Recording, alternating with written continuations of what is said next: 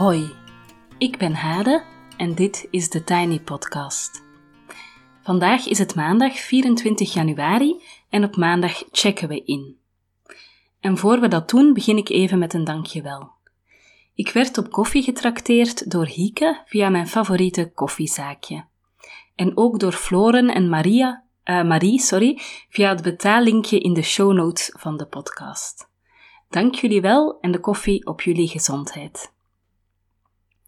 Voor het inchecken op maandag stel ik meestal één vraag of twee vragen en je kan dan schrijvend of mijmerend inchecken. Na het stellen van de vraag ben ik een volle minuut stil, maar je kan de podcast zeker ook op pauze zetten, uh, aangezien schrijvend inchecken meestal net iets langer duurt dan gewoon even bij de vragen stilstaan in je hoofd. Na de stille minuut check ik ook zelf in bij jullie. De vragen voor vandaag zijn: wat zou je doen als je een hele dag voor jezelf had? En wat heeft jouw wereld de laatste tijd opengebroken? Uh, met de corona is onze wereld, denk ik, of bij veel mensen toch een pak kleiner geworden. Uh, zijn er veel minder dingen mogelijk, uh, veel minder nieuwe ervaringen en ontmoetingen misschien ook wel. Dus vandaar de vraag: wat heeft jouw wereld de laatste tijd opengebroken? Veel succes met inchecken en binnen een minuut ga ik ook uh, hetzelfde dan doen.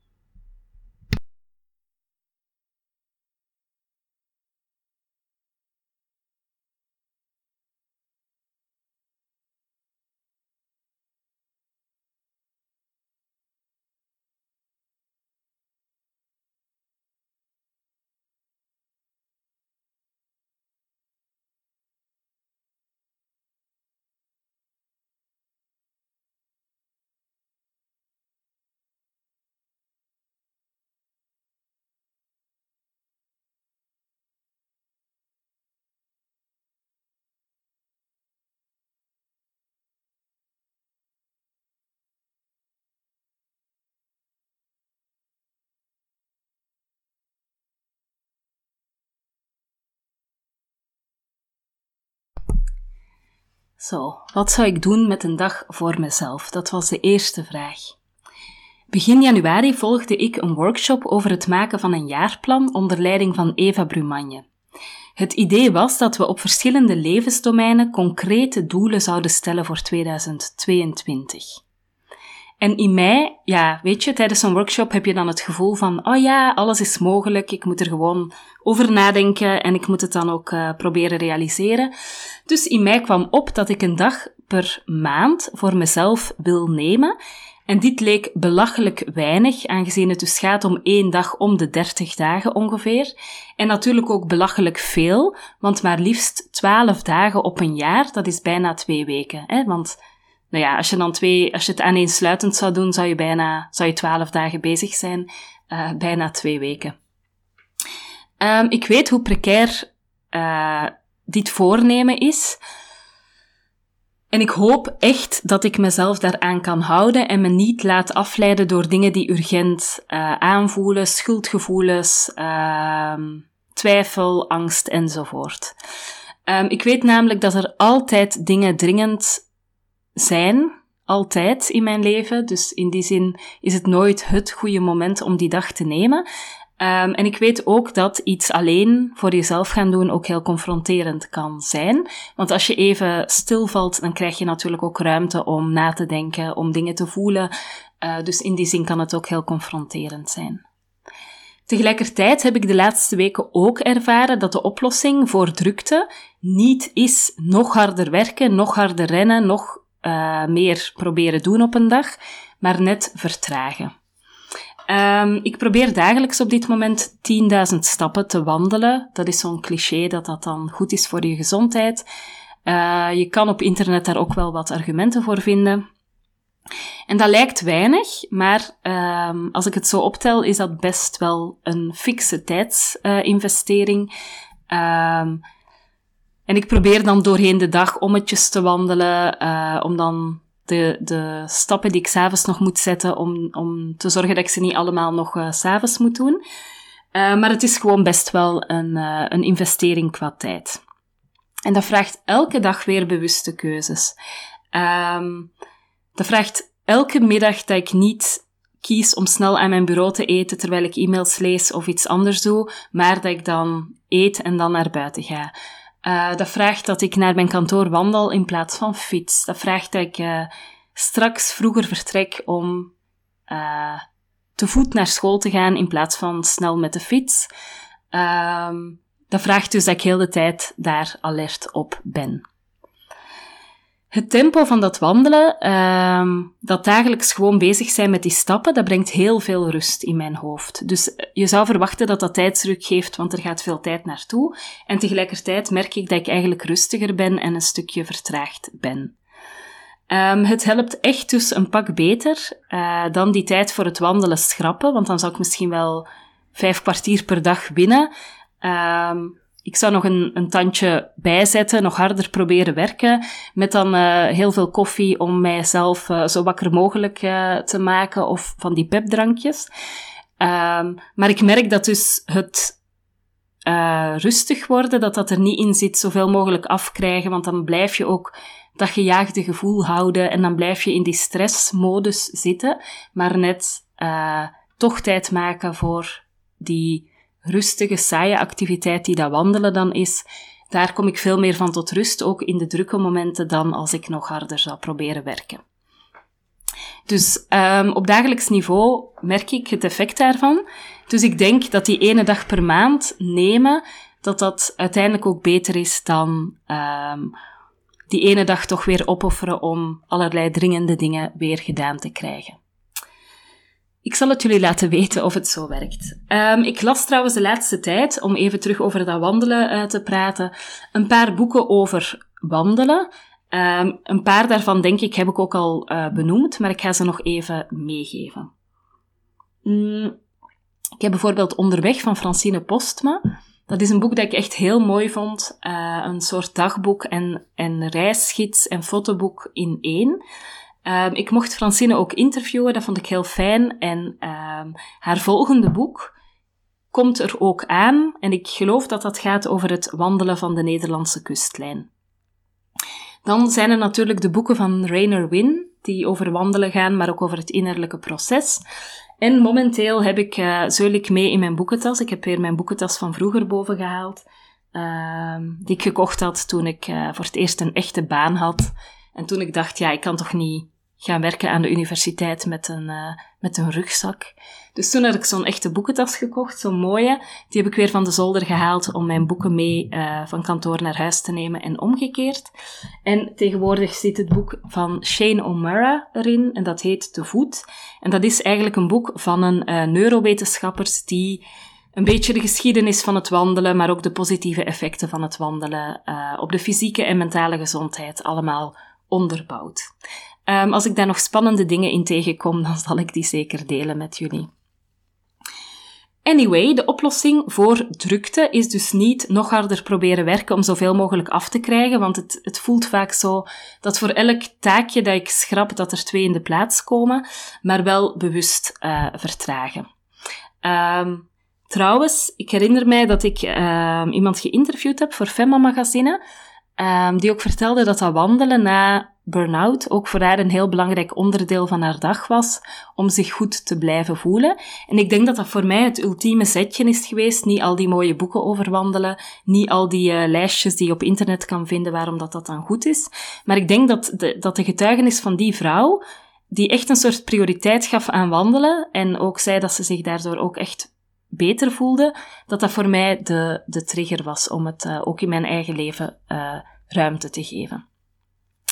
Maar goed, um, een dag voor jezelf. Hè, dus het idee is, je kan die dag altijd skippen, want er is altijd iets dringender. Gaande van de was tot uh, weet ik veel wat. Facturen sturen tot die vreselijke ellendige to-do-lijst bijwerken enzovoort. Maar ik geloof dat eigenlijk toch die dag nemen, dat dat um, tegen dat gejaagde, gestreste leven net beter werkt dan alsmaar door te blijven gaan. Ik ben dus uh, bij dat jaarplan gaan zitten en ik plande echt al voor het hele jaar, één dag per maand voor mezelf. En dat kostte natuurlijk enige moeite en inspanning, want uh, ja, ik heb kleine kinderen. Als ik er niet ben, moet iemand anders er zijn, ofwel een oppas ofwel mijn partner. Um, ik heb een eigen bedrijf. Uh, de dagen dat ik niet werk, verdien ik dus ook niks. Hè. Dus dat maakte het best wel spannend en complex. Uh, en dan zeker zo durven zeggen van die dag, als er dan een vraag komt voor een opdracht voor die dag van nee, dan ben ik er niet. Dat is ook heel spannend. Nou, deze week is de eerste uh, dag gepland. Um, en ik hoop echt, fingers crossed, dat ik het ook echt gewoon ga doen. Dat er niet last minute voor mijzelf nog een reden komt om het toch af te zeggen. En mijn plan is om een NS-wandeling uh, te gaan maken op de Veluwe. Uh, en een NS-wandeling is eigenlijk een wandeling uh, tussen twee stations. Dus je gaat met de trein naar één station en dan wandel je in dit geval 15 kilometer naar het volgende station. Ehm, en daar neem je dan weer de trein terug naar huis of naar waar je naartoe wil. Mm. En het idee is dat ik dat dus deze week alleen ga doen. Voilà. In een drukke periode waarin ik heel vaak ook in het weekend nog een, paar, nog een paar uurtjes moet werken om alles min of meer gedaan te krijgen, lijkt het idee dat ik dus een hele dag ertussenuit haal om dan te gaan wandelen een beetje absurd. En tegelijkertijd voel ik dat het belangrijk is om toch te doen al die werkdagen die ik heb, ik ben super gemotiveerd, kei betrokken bij mijn werk, uh, ook vaak wel wat gestrest. Ik ben daar heel intensief mee bezig. Maar vraag mij niet wat ik vorige week dinsdag of donderdag gedaan heb. Dan moet ik echt in mijn agenda gaan kijken en uh, terug gaan reconstrueren wat ik die dag dan gedaan heb. Dus in die zin denk ik, uh, making memories doe je niet door elke dag hard te gaan werken eh, op je kantoor. Maar ik denk uh, als ik er echt in slaag om deze week die wandeldag te nemen en je vraagt mij binnen een half jaar, uh, ja, wat heb je de voorbije tijd voor jezelf gedaan? Dan denk ik dat ik mij dat echt nog wel ga herinneren. Uh, veel beter dan wat heb je vorige dinsdag of vorige donderdag op kantoor gedaan. Voilà. Dan, um, wat heeft mij de laatste tijd opengebroken? Uh, door mijn levensfase met jonge kinderen en nog een jonger bedrijf uh, zit ik natuurlijk in een soort van voorspelbaar leven. Er is werk, er is thuis, er is opvoeden. En hoewel ik mijn wandelingetjes maak en dit jaar dus twaalf dagen voor mezelf wil nemen en invullen, is er ook een groot stuk van mijn leven uh, wat echt volgens verwachtingen verloopt. Zo weet ik nu dat ik om 15 uur vanmiddag aan de schoolpoort sta, om 17 uur aan de opvang, uh, dat ik straks parelcouscous ga maken, dat ik morgen pannenkoeken maak met uh, pompoen in het deeg verwerkt enzovoort. Dus een groot stuk van mijn leven is gewoon heel, ja, georganiseerd, zeg maar. Um, af en toe dan iets anders doen is heel fijn. En dan moet ik ook altijd heel goed het evenwicht houden, want uh, als dat dan ja, dat kan mij ook enorm ontregelen. Dus het is voor mij wel belangrijk dat ik dat allemaal in de hand houd, dat het goed uh, ingebed is. Wat mij de laatste tijd wat heeft opengebroken, um, zo een beetje uit dat dagdagelijkse, um, is het boek dat ik gelezen heb, Jagen, Verzamelen en Opvoeden. En dat heeft mij echt geholpen om mijn idee over opvoeden bij te stellen. Ik was eigenlijk ongeveer verworden tot een soort van evenementenplanner die quality time organiseerde voor de kinderen en dan in de marge daarvan ook nog woest het huishouden probeerde te doen uh, en af en toe nog eens iets voor mijzelf. En nu betrek ik door het lezen van dat boek mijn kinderen bij de dingen die moeten gebeuren. Uh, dus in plaats van een spelletje te doen met hen en dan naar de bib te gaan, want dat is verantwoord, en dan naar de natuur te gaan, want dat is ook verantwoord, en naar een museum als het geen lockdown is, probeer ik nu, uh, hè, dus stel je voor, hè, normaal zou ik dan denken, een spelletje spelen en als het dan kan, later op de dag even snel gehaast op en neer nog naar de winkel of iets anders doen. Um, in plaats daarvan um, gaan we bijvoorbeeld traag met z'n allen naar de supermarkt en rennen mijn tweelingdochters beide met een klein karretje uh, door de winkel om dan soepstengels en kaasblokjes uh, te zoeken. En in plaats van ze voor tv te zetten, zodat ik rustig kan koken, iets wat denk ik veel ouders doen, zo hun kinderen voor tv zetten om vijf uur of, of ja, rond die tijd, uh, of tablettijd uh, invoeren, zodat je dan zonder gezeur de maaltijd kan voorbereiden. In plaats daarvan staan er nu allemaal krukjes bij het aanrecht en uh, helpen ze me bij het koken. Laatst gaf ik Jutta een vegetarisch worstje om te snijden voor het de pan inging. En soms is het makkelijker om dat dan te bakken in stukjes. En in een mum van tijd had ze die met zo'n klein bot mesje in allemaal snippertjes uh, gesneden, wat dat heel grappig is en dat was nog altijd prima uh, te bakken. Andere taakjes die mijn kinderen doen, de tafel dekken en afruimen. Uh, ze vinden het heerlijk om met een spray de tafel te sprayen en schoon te maken. Daar kunnen ze echt makkelijk een half uur mee bezig zijn. Uh, ze vechten bijna om te mogen afwassen, want uh, mijn zoon vindt dus dat uh, tablet en tv samen minder leuk zijn dan mogen afwassen. Dat vind ik een heel bijzondere uh, ontdekking. Um, wat de kleine de kleintjes doen ook, hè, bouillonblokjes uit hun verpakking halen terwijl ik soep maak en die dan aangeven. Uh, meehelpen groenten snijden.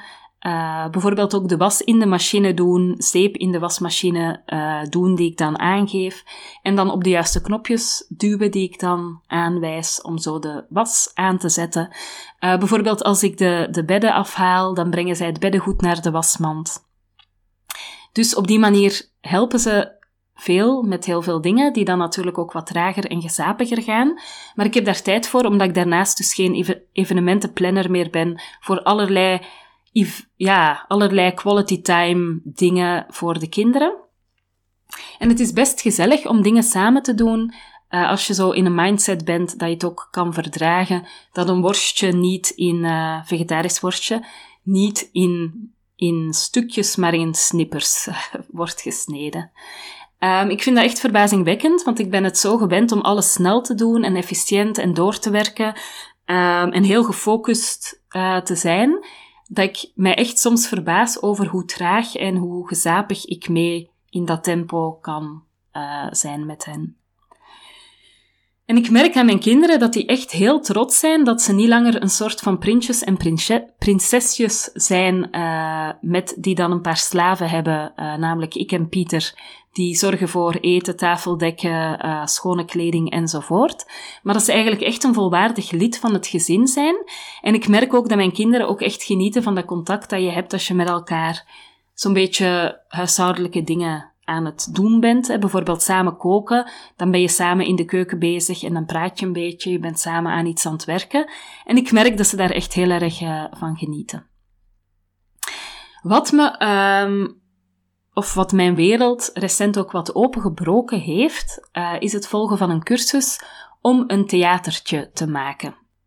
Ik ben er net mee begonnen en ik heb letterlijk nog niets. Uh, ik heb nog geen verhaal, ik heb nog geen popjes, ik heb nog geen plan, ik heb nog geen idee. Maar het uitgedacht worden te werken in een andere vorm dan ik gewend ben. Hè, want meestal ik maak webinars, ik maak teksten, ik maak allerlei dingen.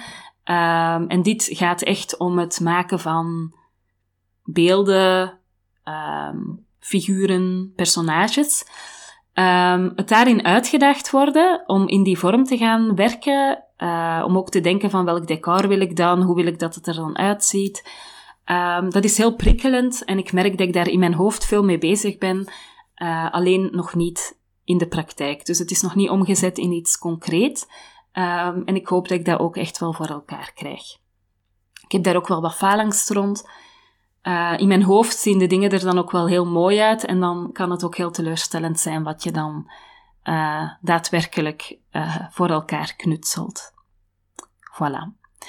Dan het laatste ding dat mijn wereld ook wel echt openbreekt is de vrouwencirkel. ik host er op dit moment één op woensdagavonden en het is een plek waar verhalen van verschillende vrouwen samenkomen en elkaar verrijken. In april start ik uh, twee nieuwe vrouwencirkels waaraan je kan deelnemen.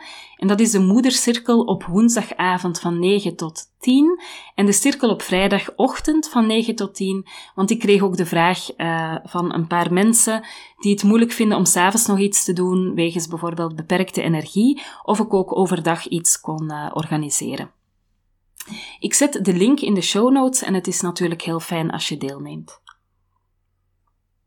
En dan voor mensen die wel zin hebben om s'avonds iets te doen. Op 17 februari is er s'avonds um, het webinar Stoppen met Pleasen. Uh, en ook die link zal ik even in de show notes vermelden. En ook heel welkom om daaraan deel te nemen. Tot zover voor vandaag. Uh, je kan me volgen op Instagram, TheTinyPodcast. Als je je abonneert via bijvoorbeeld Google of Apple Podcast, in Spotify of in je favoriete podcast-app, dan krijg je dus telkens de nieuwste aflevering in je overzicht. Als je de podcast doorstuurt naar iemand die er ook graag naar luistert of hem deelt op social media, dan help je me om de podcast te laten groeien. En voor nu wens ik je een heel fijne dag, een heel fijne week en heel veel goeds. Tot gauw!